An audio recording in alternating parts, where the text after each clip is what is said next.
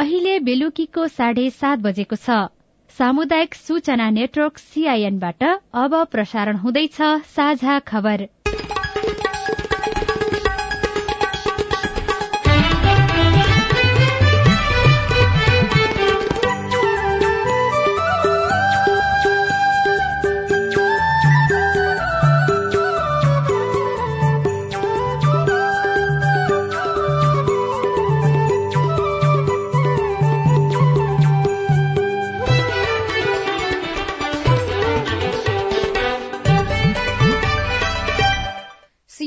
साझा खबरबाट सोभिता रिसालको नमस्कार। साझा खबर देशभरिका सामुदायिक radio CIN Khabar dot com सीआईएनको फेसबुक पेज र मोबाइल एप सीआईएनबाट पनि सुन्न सकिन्छ।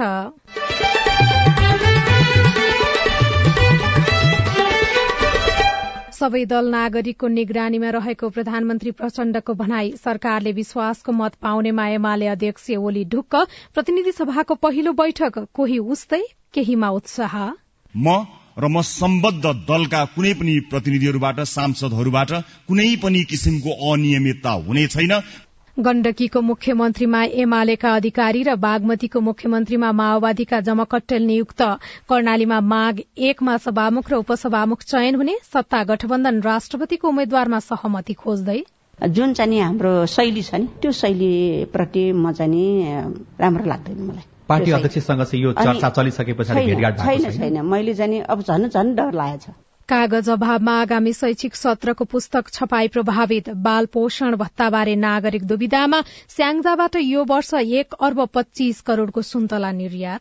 बोट अनुसारले फल लाग्दो रहेछ। र अनि त्यस्तो कोदोको खेती भन्दा यो सुन्तलाबाट बढी आमदानी भएको हुँदाखेरि मैले सुन्तला वार्षिक बढाउँदै बढाउँदै गएकी छु। र Biratnagar super kings Nepal T twenty लीगको दोस्रो क्वालिफायरमा।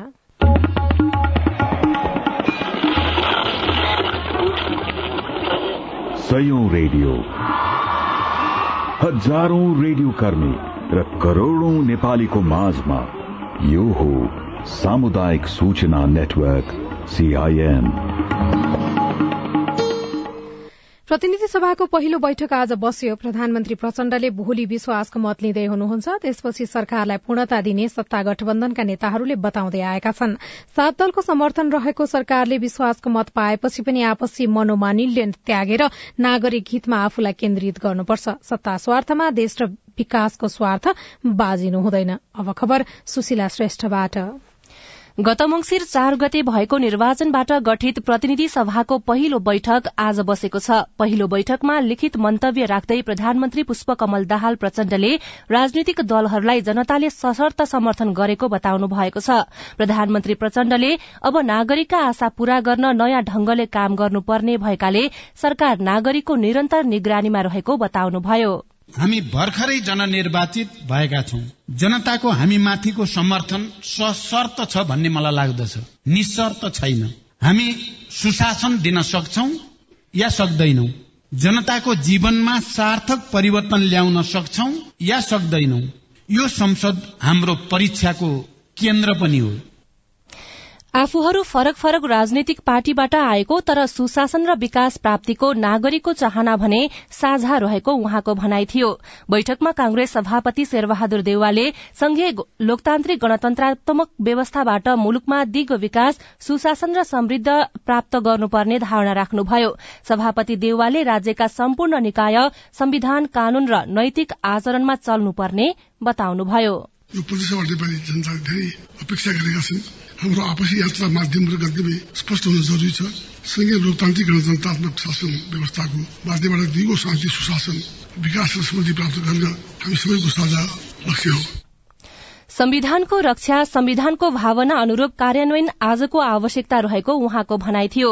नेकपा एमालेका अध्यक्ष केपी शर्मा ओलीले भने प्रधानमन्त्री प्रचण्डले विश्वासको मत पाउने कुरामा ढुक्क रहेको बताउनुभयो। हालको सरकारसँग अवसर र चुनौती सँगसँगै रहेको समेत उहाँको भनाई थियो। परिवर्तनको अपेक्षा आकांक्षा जनताले गरेकै देखिन्छ। त्यसै कारण व्यक्तिको मान सम्मानका लागि होइन। देशमा उन्नति गर्नका लागि सरकार बनाउनुपर्छ। कमसेकम त्यति चाहिँ हामीले अलिकति रियलाइज गर्नुपर्छ। हामी सांसद भएर आएको पनि सांसद हुनका लागि होइन। सांसदको हैसियतले देश र जनताका निम्ति काम गर्नका लागि। बैठकलाई सम्बोधन गर्दै राष्ट्रिय स्वतन्त्र पार्टीका सभापति तथा उपप्रधान एवं गृहमन्त्री रवि लामिछानेले विगतमा भएका भ्रष्टाचारका काण्डमा सरकार निर्मम रूपमा प्रस्तुत हुने बताउनुभयो। नागरिक आशा पूरा गर्नकै लागि स्वतन्त्र पार्टी सरकारमा सामेल भएको भन्दै सभापति लामिछानेले आफूहरूलाई प्राप्त भएको मत निराशाको नभएर नेपाली जनताले दिएको आशाको मत भएको दावी गर्नुभयो। बैठकलाई सम्बोधन गर्दै जसपाका संसदीय दलका नेता राम सहाय प्रसाद राय यादवले विगतमा भएका सहमति कार्यान्वयन गर्दै नागरिकको आशा अपेक्षा पूरा गर्नुपर्ने दायित्व संसद समक्ष रहेको बताउनुभयो। नेकपा एकीकृत समाजवादी पार्टीका अध्यक्ष माधव कुमार नेपालले प्रधानमन्त्री पुष्पकमल दाहाललाई विश्वासको मत दिने संकेत गर्नुभयो। बैठकमा सम्बोधन गर्दै उहाँले छिटो छिटो सरकार परिवर्तन होस् भन्ने पक्षमा पार्टी नभएको धारणा राख्नुभयो। राष्ट्रिय प्रजातन्त्र पार्टीका अध्यक्ष राजेन्द्र लिङदेनले आफूहरू देशको अस्थिरताको कारक नबन्ने प्रतिबद्धता व्यक्त गर्नुभएको छ। उहाँले जनादेशले कसैलाई पनि निषेध गरेर जान नसक्ने सन्देश दिएको बताउनुभयो। जनमत पार्टीका अध्यक्ष सीके राउतले संसदमा उपस्थित भएर बोल्न पाउँदा नयाँ अनुभूति भएको बताउनुभयो। प्रतिनिधि सभाको बैठकमा उहाँले विगतमा आफ्नो नाम लिन पनि निषेध रहेको भन्दै उहाँले लोकतान्त्रिक व्यवस्था र जनताको अभिमतले सम्भव भएको धारणा राख्नुभयो। नागरिक उन्मुक्ति पार्टीका अध्यक्ष रंजिता श्रेष्ठले टीकापुर घटनाको न्याय निरूपण नहुन्जेल आफ्नो पार्टीले लड़िरहने बताउनुभयो। टीकापुर घटना बन्द कोठा वा गुफामा नभएर कसले के गर्यो भन्ने विषय सबैले देखेको टिप्पणी गर्दै कानून निर्माण गर्ने थलो संसदमा आफू न्याय माग्न आएको बताउनुभयो। यसैबीच प्रमुख प्रतिपक्षी दल नेपाली कांग्रेसका महामन्त्री गगन थापाले भने सरकारको आयु लामो समयसम्म रहने संकेत नदेखिएको टिप्पणी गर्नुभएको छ। आज संसद बैठकपछि पत्रकारहरूसँग कुराकानी गर्दै महामन्त्री थापाले प्रतिनिधि सभा विघटन गर्ने र यसको विरोध गर्नेहरू सँगै सरकारमा रहेकाले सहयात्रा लामो समयसम्म रहने स्थिति नरहेको टिप्पणी गर्नुभयो। पूर्व प्रधानमन्त्री केपी शर्मा ओलीले हालको प्रधानमन्त्रीलाई एउटा अवस्थामा भन्नेबाट अप्ठ्यारोमा पार्नु भएको मैले याद गरेँ। प्रतिनिधि सभा विघटन गरेको कुरा सोह्रै आना सत्य थियो। त्यो जनताको पक्षमा थियो र त्यसलाई प्रतिगामी भन्नेहरू नै प्रतिगामी हुन् भनेर भन्दै गर्दा हालका प्रधानमन्त्री टेबल ठोक्यो कि नठोकौँ भनेर अलमलमा परेको देख्दै गर्दा चाहिँ मलाई अलिकति सहानुभूति पनि उहाँप्रति मैले प्रकट गर्न मन लाग्यो। यो हेर्दा सामान्य अलमल देखिए तापनि यसलाई मैले सामान्य अलमल मानेको छैन। आजको बैठकमा दुई सय छप्पन्न जना सांसद उपस्थित भएको संसद सचिवालयले जनाएको छ। यसपटक प्रतिनिधि सभामा तीनवटा नयाँ दल छन्। पहिलो पटक बसेको बैठक केही उस्तै र केही उत्साहपूर्ण देखिन्थ्यो। शपथ ग्रहणमा जस्तो इन्द्रेणी पोसाकमा नदेखिए पनि सांसदहरूका अनुहारमा खुशी उत्साह र कौतूहल देखिन्थ्यो। बैठकको घण्टी बज्नु अघि नै सांसदहरू बैठक कक्ष प्रवेश गरिसकेका थिए। बैठक अघि पर्याप्त तयारी नगरिएकाले पनि होला ज्येष्ठ सदस्यका रूपमा बैठक सञ्चालन गरिरहेका एकासी वर्षका पशुपति शमशेर जबरालाई निकै सकस परेको देखिन्थ्यो। पहिलो अधिवेशनको पहिलो बैठकमा पाल्नु भएको सम्पूर्ण मान्य सदस्यहरूलाई हार्दिक स्वागत गर्दछु। बैठकमा केही रोचक दृश्य पनि देखिए सरकारलाई समर्थन गरेको नागरिक उन्मुक्ति पार्टीका सांसद प्रतिपक्षी बेन्चमा थिए।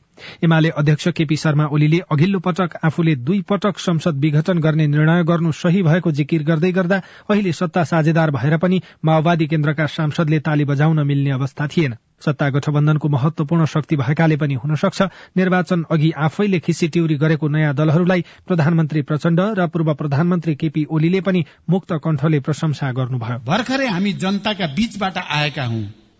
त्यसैले जनताका अपेक्षा गुनासा चासो र चिन्तालाई हामीले अत्यन्त नजिकबाट महसुस गरेका छौं। प्रधानमन्त्री दाहाल र कांग्रेस संसदीय दलका नेता शेरबहादुर देउवाले लिखित सम्बोधन गर्नुभएको थियो। देउवाले रोस्ट्रम जाने बाटैमा रहेका प्रधानमन्त्री प्रचण्डसँग हेराहेर गर्नसम्म चाहनु भएन। तर सम्बोधनमा भने कसैप्रति कटाक्ष नगरिकन उहाँले विकासका लागि हातेमालो गर्ने बताउनुभयो।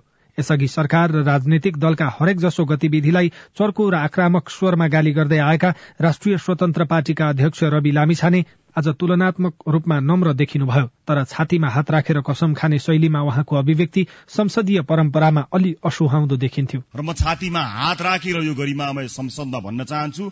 म र म सम्बद्ध दलका कुनै पनि प्रतिनिधिहरूबाट सांसदहरूबाट कुनै पनि किसिमको अनियमितता हुने छैन।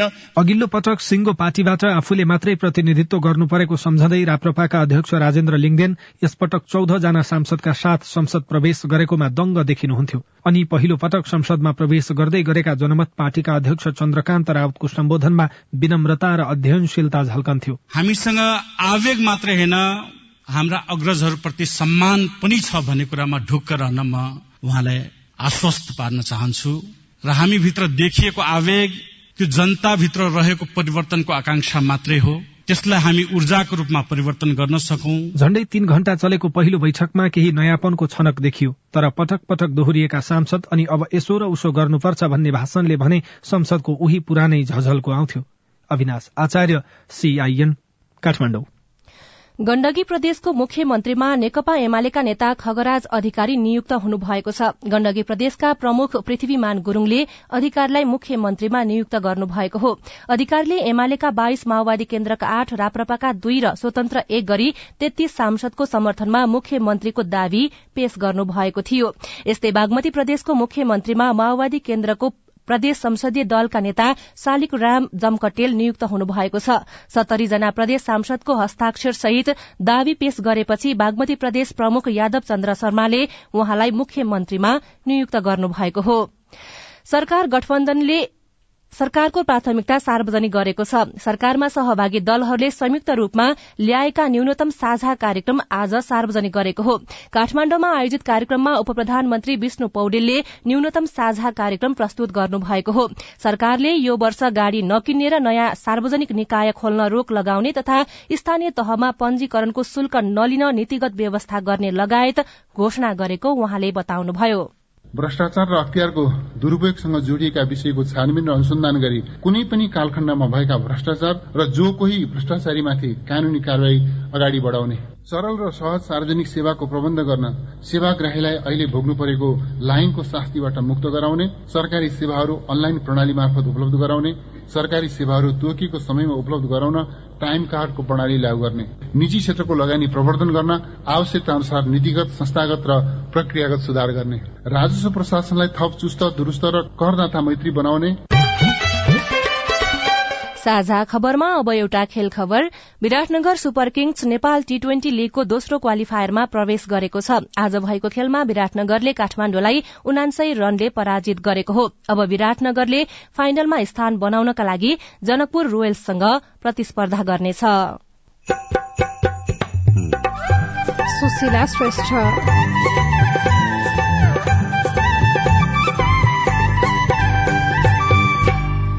सुन्तला बेचेरै वार्षिक पच्चीस लाख आमदानी। बेर्न र ठूलो गरेर दुई हजार छ। यसमा सालसालै पछि आमदानी बढाउँदै बढ्दै बढ्दै जाँदाखेरि अहिले मेरो आमदानी पच्चिस लाख पुगेको छ। स्याङ्जामा सुन्तला खेती गर्नेहरू बढे अनि भावी राष्ट्रपति को बन्ला लगायतका विशेष सामग्री बाँकी नै छन्। सीआईएनको साझा खबर सुन्दै गर्नुहोला। हे जाडो बेला हिमालयमा हिउँले चिसो पहाडमा तुसारोले मधेस शीतलहरले गाइने दाईको कामै हजुर सूचना र सन्देश दिने चिसोबाट क्यारी बस्ने सुन्नुहोस् गाउँछ हरले र्याई र्याई सारङ्गी तारा चिसोबाट जोगिनुहोस् हजुर। दिउँसो भन्दा साँझ बिहान चिसो हुन्छ धेर। न्यानो लुगा लगाएर हिँडौ बाहिर फेर। बुढाबुढी बालबच्चाको विशेष ध्यान राखौ। दम खोकी निमोनिया हुनबाट जोगाउ। चिसो लाउला रोगले साताउला तातो पानी पिउनाले जोगाउला। कोइला बाली निदाउँदा निसासिने डर छ। राम्रोसँग आगो निभाइ सुत्न जानु पर्छ तातो खानु झोलिलो पोसिलो न्यानो हुने उपाय सजिलो। सार्वजनिक हितका लागि सामुदायिक रेडियो प्रसारक संघ अकुरा। सामाजिक रूपान्तरणका लागि यो हो सामुदायिक सूचना नेटवर्क सीआईएम तपाई सामुदायिक सूचना नेटवर्क सीआईएनले तयार पारेको साझा खबर सुन्दै हुनुहुन्छ।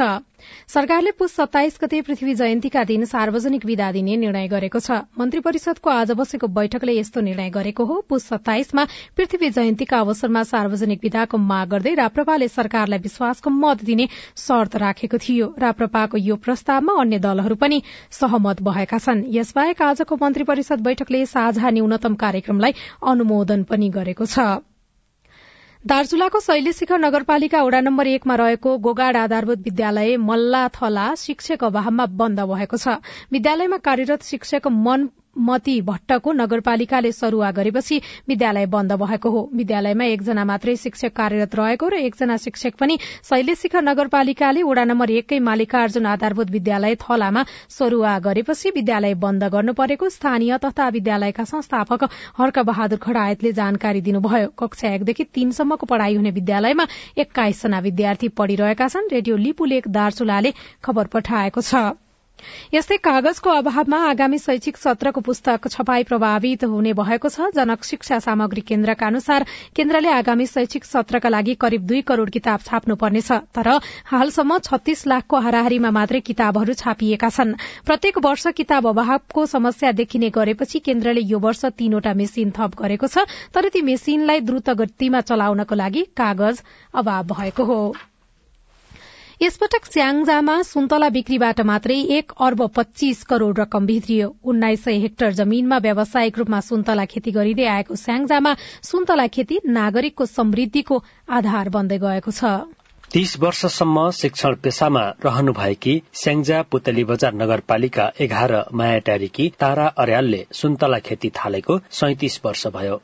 शुरूमा उहाँले दुईवटा बोट मात्रै सुन्तला रोप्नु भएको थियो। बिस्तारै सुन्तलाको उत्पादन राम्रो हुन थालेपछि अहिले उहाँको बारीमा दुई हजार बोटहरू छन्। अहिले सुन्तला बेचेरै उहाँले वार्षिक पच्चीस लाख आमदानी गर्ने गर्नु भएको छ। बेर्न र ठूलो गरेर दुई हजार छ।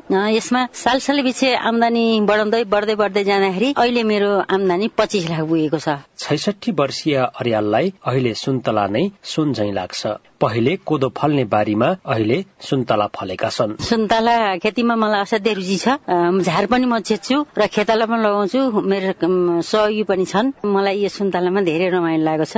थोरै पाँच पाती कोदो आउने ठाउँमा एकमुरी कोदो आउने ठाउँमा अझ यत्रो यत्रो सुन्तला एउटै बोटमा पाँच हजार दुई हजार यही अनुसारले बोट अनुसारले फल लाग्दो रहेछ। र अनि त्यस्तो कोदोको खेती भन्दा यो सुन्तलाबाट बढी आमदानी भएको हुँदाखेरि मैले सुन्तला वार्षिक बढाउँदै बढाउँदै गएकी छु। अझै पनि बढाउने लक्ष्य राखेकी छु। स्याङ्जामा सुन्तला खेती गर्नेहरू पनि बढ़िरहेका छन्। हाल स्याङ्जामा सुन्तला खेती गर्ने एघार हजार किसान मध्ये पाँच हजार किसानले व्यावसायिक रूपमा सुन्तला खेती गर्दै आइरहेका छन्। कुल एक हजार नौ सय हेक्टर क्षेत्रफलमा सुन्तला बगैँचा फैलिएकोमा हाल एक हजार तीन सय हेक्टर क्षेत्रफलमा उत्पादन भएको छ। स्याङ्जाको बारीबाट ठेक्कामा नै सुन्तला बिक्री हुने गरेको छ। सरदर प्रति केजी सत्तरीदेखि अस्सी रूपियाँमा बोटबाटै सुन्तला बिक्री भइरहेको छ। किसानहरूले स्याङ्जा स्थित शीत भण्डारमा सुन्तला भण्डारण गरिरहेका छन्। भण्डारण गरेको सुन्तला फागुनको अन्तिमतिर बिक्री गर्दा मूल्य दुई गुणा हुने गरेको छ। केही सुन्तला मैले कोलेस्ट्रोल राखेँ। अब यसमा फेरि पनि अझ बढी मूल्य पाइने हिसाबले राखेँ। अब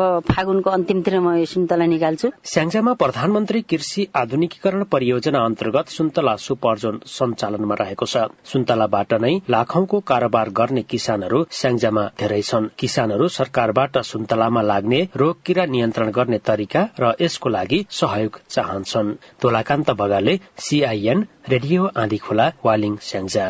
साझा खबरमा अब हेलो सीआईएन उसाता माङबाट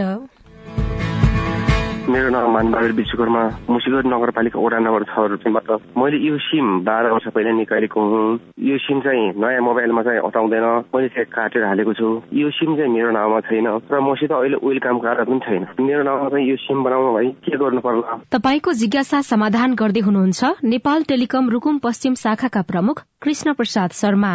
त्यो सिम चाहिँ ल्याउनु पर्छ उहाँले आफूले प्रयोग गरे हो कि होइन? नागरिकताको फोटोकपी र एउटा फोटो लिएर आउनुभयो भनेदेखि त्यो तपाईँको नाममा नामसारी एउटा फारम भर्नुपर्छ फार्म भर्यो भने तपाईँको नाममा नामसारी हुन्छ र सिम पनि पाइन्छ। सीआईएनले आफ्नो फेसबुकमा पर्वतको कुस्मा र बागलुङको नारायण स्थान जोड्ने झलुङ्गे पुलको तस्विर अपलोड गरेको थियो जहाँ शेर बहादुर विष्ट कमेन्ट बक्समा लेख्नुहुन्छ कतै पुल निर्माणसँगै बन्जी जम्प सञ्चालनमा छ कतै भने नदी तर्ने राम्रो तुई नभएर दिन दहाडै नदीमा खसेर नागरिकले ज्यान गुमाउनु परेको छ। छब्बिस पाथिपेरा गाउँपालिका वडा नम्बर दुई बजाङदेखि यशोदा रावल बोलेको। पाँच वर्ष मुनिको बाल बालिकालाई बाल पोषण भत्ता सरकारले प्रदान गरेको छ। यहाँको वडा सचिवले भन्नुभएको रोजगारीको छोराछोरीले चाहिँ नपाउने बेरोजगारीको छोराछोरीले मात्रै पाउने भन्ने कुरा भन्नु गर्नु भएको छ। यो चाहिँ खास कुरा चाहिँ के हो? हजुरहरूले भनिदिएको भए धेरै आभारित हुने थिए। यशोदाजी छब्बीस पाथिफेरा गाउँपालिका बझाङका स्वास्थ्य शाखा संयोजक अम्बर बहादुर थापाका अनुसार सरकारी सेवामा रहेका कर्मचारीको छोराछोरीलाई मात्रै यो भत्ता दिइँदैन। अन्य सबै बालबालिकाले यो भत्ता पाउँछन्। थप बुझ्न चाहनुहुन्छ भने गाउँपालिकामा सम्पर्क गर्नुहोला। तपाई जुनसुकै बेला हाम्रो टेलिफोन नम्बर शून्य एक बान्न साठी छ चार छमा फोन गरेर आफ्नो विचार प्रश्न गुनासो तथा प्रतिक्रिया रेकर्ड गर्न सक्नुहुन्छ। तपाई सामुदायिक सूचना नेटवर्क सीआईएनले काठमाण्डुमा तयार पारेको साझा खबर सुनिरहनु भएको छ। सत्ता गठबन्धनभित्र राष्ट्रपतिमा सहमति खोजिँदै। मलाई टिकट चाहिन्छ चाहिन्छ भने जस्तो मलाई राष्ट्रपति चाहिन्छ चाहिन्छ भनेर अनि कुर्नै पर्ने धरना दिनुपर्ने दबाब सिर्जना गराउनु पर्ने यो खालको चाहिँ जुन चाहिँ हाम्रो शैली छ नि राम्रो लाग्दैन मलाई। सम्भावना कसको होला? राष्ट्रपतिको लागि चर्चामा आएको एउटा नाम अष्टलक्ष्मी साकेसँगको कुराकानी बाँकी नै छ। सीआईएनको साझा खबर सुन्दै गर्नुहोला। बाल विवाह विरूद्ध धर्मगुरूहरूको प्रतिबद्धता। वैदिक साहित्यमा बाल विवाह छैन। बाल विवाह हाम्रो मण्डली अन्तर्गत भएको छैन।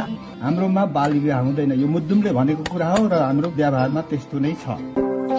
राधामिस गीता बाइबल कुरान वेद लगायतका सबै धर्मका ग्रन्थहरूले बाल विवाह गर्नुहुन्न भनेको भनेर धर्मगुरूले रेडियोबाट भनेको सधैँ सुन्ने गरिन्छ।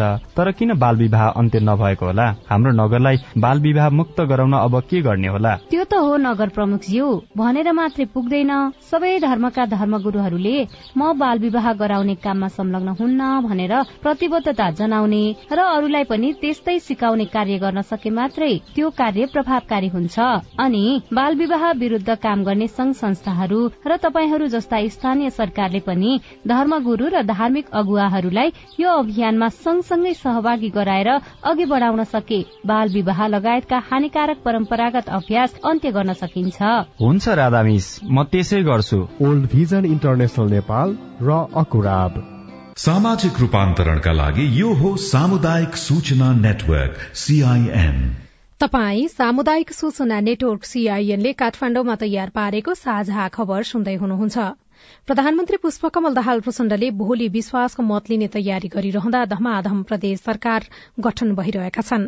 केही दिनमा सरकार विस्तारसँगै राष्ट्रपति उपराष्ट्रपति सभामुख उपसभामुख लगायतका महत्वपूर्ण पदमा निर्वाचन हुनेछ जसको तयारी निर्वाचन आयोगले पनि गरिरहेको छ। एमाले माओवादी केन्द्र लगायत दलहरूबीच सहमति हुँदा राष्ट्रपति एमालेको भागमा परेको भन्दै केही नामहरू चर्चामा छन्। तिनै मध्येका एक एमाले उपाध्यक्ष अष्टलक्ष्मी साक्यसँग साथी राजन रुचालले कुराकानी गर्नुभएको छ। एमाले पार्टीभित्र चर्चा चलेका छैन र हामी बैठक पनि बसेका छैनौँ र बैठकमा छलफल पनि भएको छैन। यहाँ पङ्क्तिभित्र चाहिँ नि त्यस्तो सायद औपचारिक रूपबाट केही पनि भएको छैन। यो बाहिरकै चर्चा हो सबै कुराहरू होइन? र मैले अहिले थाहा पाएँ रुचाउनेहरू धेरै हुनुहुँदो रहेछ भनेर खुसी पनि लाग्यो। चाहनाको हिसाबले चाहिँ के छ तपाईँको? अब चाहनाको हिसाबले पनि मैले भने नि चाहना त धेरैको होला होइन? अब राजनीति गरिरहँदाखेरि एउटा उच्च स्तरको पदमा जाउँ अथवा चाहिँ जिम्मेवारीमा जाउँ भन्ने चाहिँ सबैको चाहना हुन्छ। चाहना नहुने कुरा हुँदै होइन। तर चाहिँ मैले भने नि यो सामूहिक निर्णयको कुरा हो होइन? र संस्थागत निर्णयको कुरा हो यो पद्धति प्रणालीसँग जोडिएको कुरा हो यो राष्ट्रको महत्वपूर्ण पद भनेको चाहिँ त्यसरी हेरेर निर्णय गर्दाखेरि सबभन्दा राम्रो हुन्छ। चाहनाको कुरा त ठाँटी राख्न सकिन्छ त्यो ठूलो कुरा होइन। केही समय अगाडि बागमती प्रदेशको मुख्यमन्त्री बन्नको लागि जुन खालको तपाईँको दौडधुप देखिएको थियो भन्न पनि जानुभयो कतिपय ठाउँमा अथवा छलफल गर्नुभयो तर राष्ट्रपतिको लागि चाहिँ नाम चर्चामा छ मान्छेहरूले चर्चा गरिराखेका छन्। तपाईँ मौन बसिराखेको देखिन्छ। तयारी नगर्नु भएको कि चासो नराख्नु भएको कि राजनीति गर्नु छैन मलाई कुनै पनि लाभको पद लिनु छैन भन्ने लागेर मेख मारेर बस्नु भएको हो कि खास के हो यो? जनताले जान्न चाहेको कुरा चाहिँ। यो बेग्लै पद हो है? अत्यन्तै गरिमामय बेग्लै पद हो। त्यसको लागि चाहिँ मैले भने व्यक्तिगत चाहना राखेर एकदम धर्नै कस्नुपर्ने होइन? मलाई टिकटको जस्तो कि मलाई टिकट चाहिन्छ चाहिन्छ भने जस्तो मलाई राष्ट्रपति चाहिन्छ चाहिन्छ भनेर अनि कुर्नै पर्ने धर्ना दिनुपर्ने दबाब सिर्जना गराउनु पर्ने यो खालको चाहिँ नि जुन चाहिँ नि हाम्रो शैली छ नि त्यो शैलीप्रति म चाहिँ नि राम्रो लाग्दैन मलाई। पार्टी अध्यक्षसँग चाहिँ यो चर्चा चलिसके पछाडि भेटघाट छैन छैन। मैले चाहिँ अब झन् झन् डर लागेको छ यो चर्चा चलेपछि त झन् भेट्नुपर्ने कुराहरूमा पनि भेट्न चाहिँ अहिले पछाडि राखेको छु मैले। तपाईँको मात्रै चर्चा चलेको छैन। पार्टीको उपाध्यक्ष सुभाष नेमुवाङको पनि उत्तिकै चर्चामा छ नाम। आज मात्रै मैले एउटा अनलाइनमा पढ्दै थिएँ। बागमती प्रदेशका पूर्व मुख्यमन्त्री डोरमणि पौडेलको नाम पनि कतै मान्छेहरूले लेखिराखेका थिए चर्चा गरिराखेका थिए। एमालेमा एक सय एक मान्छेहरू हुनुहुन्छ राष्ट्रपति पदका लागि त्यो भूमिकाका लागि। तपाईँले देख्दाखेरि चाहिँ कस्तो मान्छे राष्ट्रपति हुनुपर्छ? को चाहिँ अलिक सुहाउँदो अनुहार देख्नुहुन्छ तपाईँ? अहिले म व्यक्ति किटान गरेर त म जानै चाहन्न प्रष्ट कुरा एउटा। तर राष्ट्रपति जस्तो गरिमामय पद पाइरहँदाखेरि दिइरहँदाखेरि मैले भनेको एउटै मान्छेले पटक पटक सुविधाको पद लिनु हुँदैन पहिलो कुरा त। होइन? अनि निरन्तर सुविधा प्राप्त गरिसकेका छ भने त्यो त्यो चाहिँ नि फेरि चाहिँ नि स्टपै गर्नुपर्छ भन्छु म एउटा कुरा। दोस्रो भनेको राष्ट्रपति जस्तो महत्वपूर्ण पदमा बसिसकेपछि संयोजनकारी भूमिका खेल्न सक्ने राजनीतिक हिसाबले त्यहाँ त्याग गरेको मान्छेहरू पनि चाहियो। यो गणतन्त्र ल्याउनको लागि दुःख गरेको त्याग गरेको होइन सबैलाई समेट्न सक्ने सबैको कुरा सुन्न सक्ने होइन यो खालको चाहिँ व्यक्तित्वहरू चाहिन्छ भन्छु। विगतमा हार्नको लागि उभ्याएका नेताहरू अथवा त्यो समुदायका व्यक्तिहरू अहिले चर्चा भइराखेको छ जनजाति समुदायबाट दलित समुदायबाट किन नबन्ने राष्ट्रपति भनेर। रामप्रीत पासवानहरूलाई बिर्सन मिल्छ? फेरि उभ्याउँदा के फरक पर्छ? मैले भने नि व्यक्तिमा त म जानै चाहन्न होइन? तर मैले भने नि थुप्रैजना अहिले जुन चर्चामा आएको नाम मात्रै होइन त्योभन्दा फरक नामहरू पनि छन्। जसले दुःख गरेका छ त्याग गरेका छ होइन? राष्ट्रपति जस्तो पदमा चाहिँ नि सुहाउने खालको नि त्यो व्यक्तित्वहरू त छन् नि त नभएको त होइन नि त। त्यसो भएको हुनाले त्यो सबै कुराहरू को उचित हुन्छ भन्ने कुराहरू गम्भीरतापूर्वक छलफल गरेर सचिवालयको बैठक बसेर होइन? र छलफल गरेर चाहिँ एउटा निर्णय चाहिँ पुग्नुपर्छ त्यो निर्णय गर्दै गर्दाखेरि तपाईँको नाम आयो भने आश्चर्य नमान्दा हुने रहेछ। होइन? अब नाम चाहिँ नि मैले भने विविध नामहरू आउन सक्छ होइन? अथवा चर्चामा चलेको अहिले पनि नाम आउँछ थप नाम पनि आउन सक्छ। त्यस्तो भयो भने आवश्यकता हेरेर मैले अघि पनि भने नि अब जिम्मेवारी लिन पर्यो होइन? जानै पर्छ भनेर भन्ने स्थितिमा पुग्यो भने बेग्लै कुरा हो होइन? तर चाहिँ त्यो नामहरू सबै चाहिँ त्यहाँभित्र इन्ट्री हुनै पर्छ। अर्को कुरा चाहिँ पार्टीभित्र एमालेमा खास गरी पछिल्लो समय थोरै संख्यामा मात्रै त्यस्ता नेताहरू छन् जसले नेतृत्वमाथि प्रश्न गर्छन् अथवा नेतृत्वले गरेका कतिपय कमजोरीमाथि प्रश्न गर्छन्। त्यो नेताहरू मध्येको अग्रपंक्तिमा तपाईँ देखिनुहुन्छ। तर तपाईँको पार्टी अध्यक्षलाई चाहिँ प्रश्न गर्न पनि सकिँदैन भन्छन् कि? अथवा प्रश्न गर्नेहरू पार्टीभित्र टिक्दैन भन्ने पनि छ। तपाईँ कसरी टिकिरहनु भएको छ? अहिले मलाई त्यस्तो लाग्दैन।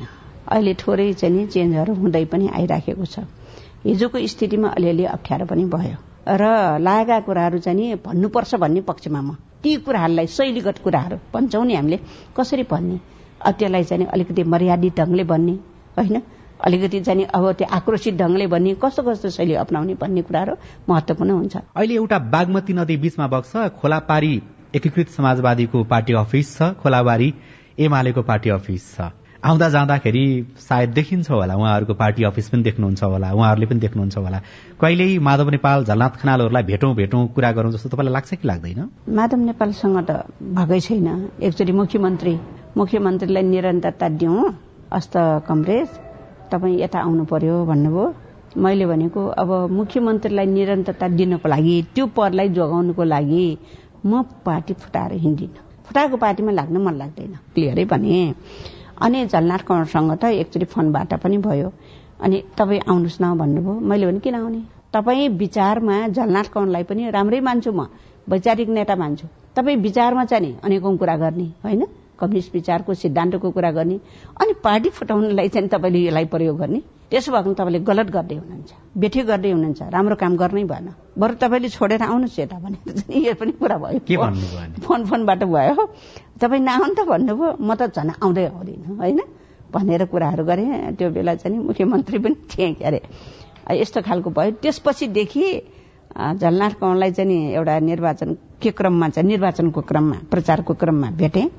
माधवकोणलाई त देखाएको छैन। तपाईँले नभेटेर के गर्नु? अब पार्टी अध्यक्ष केपी शर्मा ओलीज्यूले चाहिँ भेट्ने कुरादेखि लिएर सँगै अब उठपस पनि होला जस्तो पार्टी एकतै होला जस्तो अथवा छलफल होला जस्तो भइसकेको छ। होइन त्यो त राम्रो नि। मैले भने नि अब हामीले भेट्नु भन्दा त अध्यक्ष दुईजनाकै वास्तवमा दुईजनाकै समस्या हो नि त। नमिल्नु पर्ने कारण चाहिँ म देख्दिनँ कि।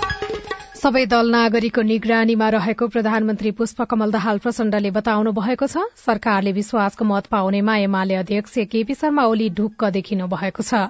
आज प्रतिनिधि सभाको पहिलो बैठक बसेको छ। कोही उस्तै छन् कोहीमा भने उत्साह देखिएको छ। गण्डकीको मुख्यमन्त्रीमा एमालेका अधिकारी र बागमतीको मुख्यमन्त्रीमा माओवादीका जमकट्टेल नियुक्त हुनु भएको छ। कर्णालीमा माघ एकमा सभामुख र उपसभामुख चयन हुँदैछ। सत्ता गठबन्धनभित्र राष्ट्रपतिको उम्मेद्वारमा सहमति खोज्ने प्रयास चलिरहेको छ। कागज अभावमा आगामी शैक्षिक सत्रको पुस्तक छपाई प्रभावित हुने भएको छ। र यो वर्ष स्याङ्जाबाट एक अर्ब पच्चीस करोड़को सुन्तला निर्यात भएको छ। हवस् त आजलाई साझा खबरको समय सकियो। प्राविधिक साथी सुरेन्द्र सिंहलाई धन्यवाद। भोलि पुष छब्बीस गते बिहान छ बजेको साझा खबरमा फेरि भेटौँला। अहिलेलाई सोभिता रिसाल पनि विदा हुन्छु। नमस्कार शुभरात्री।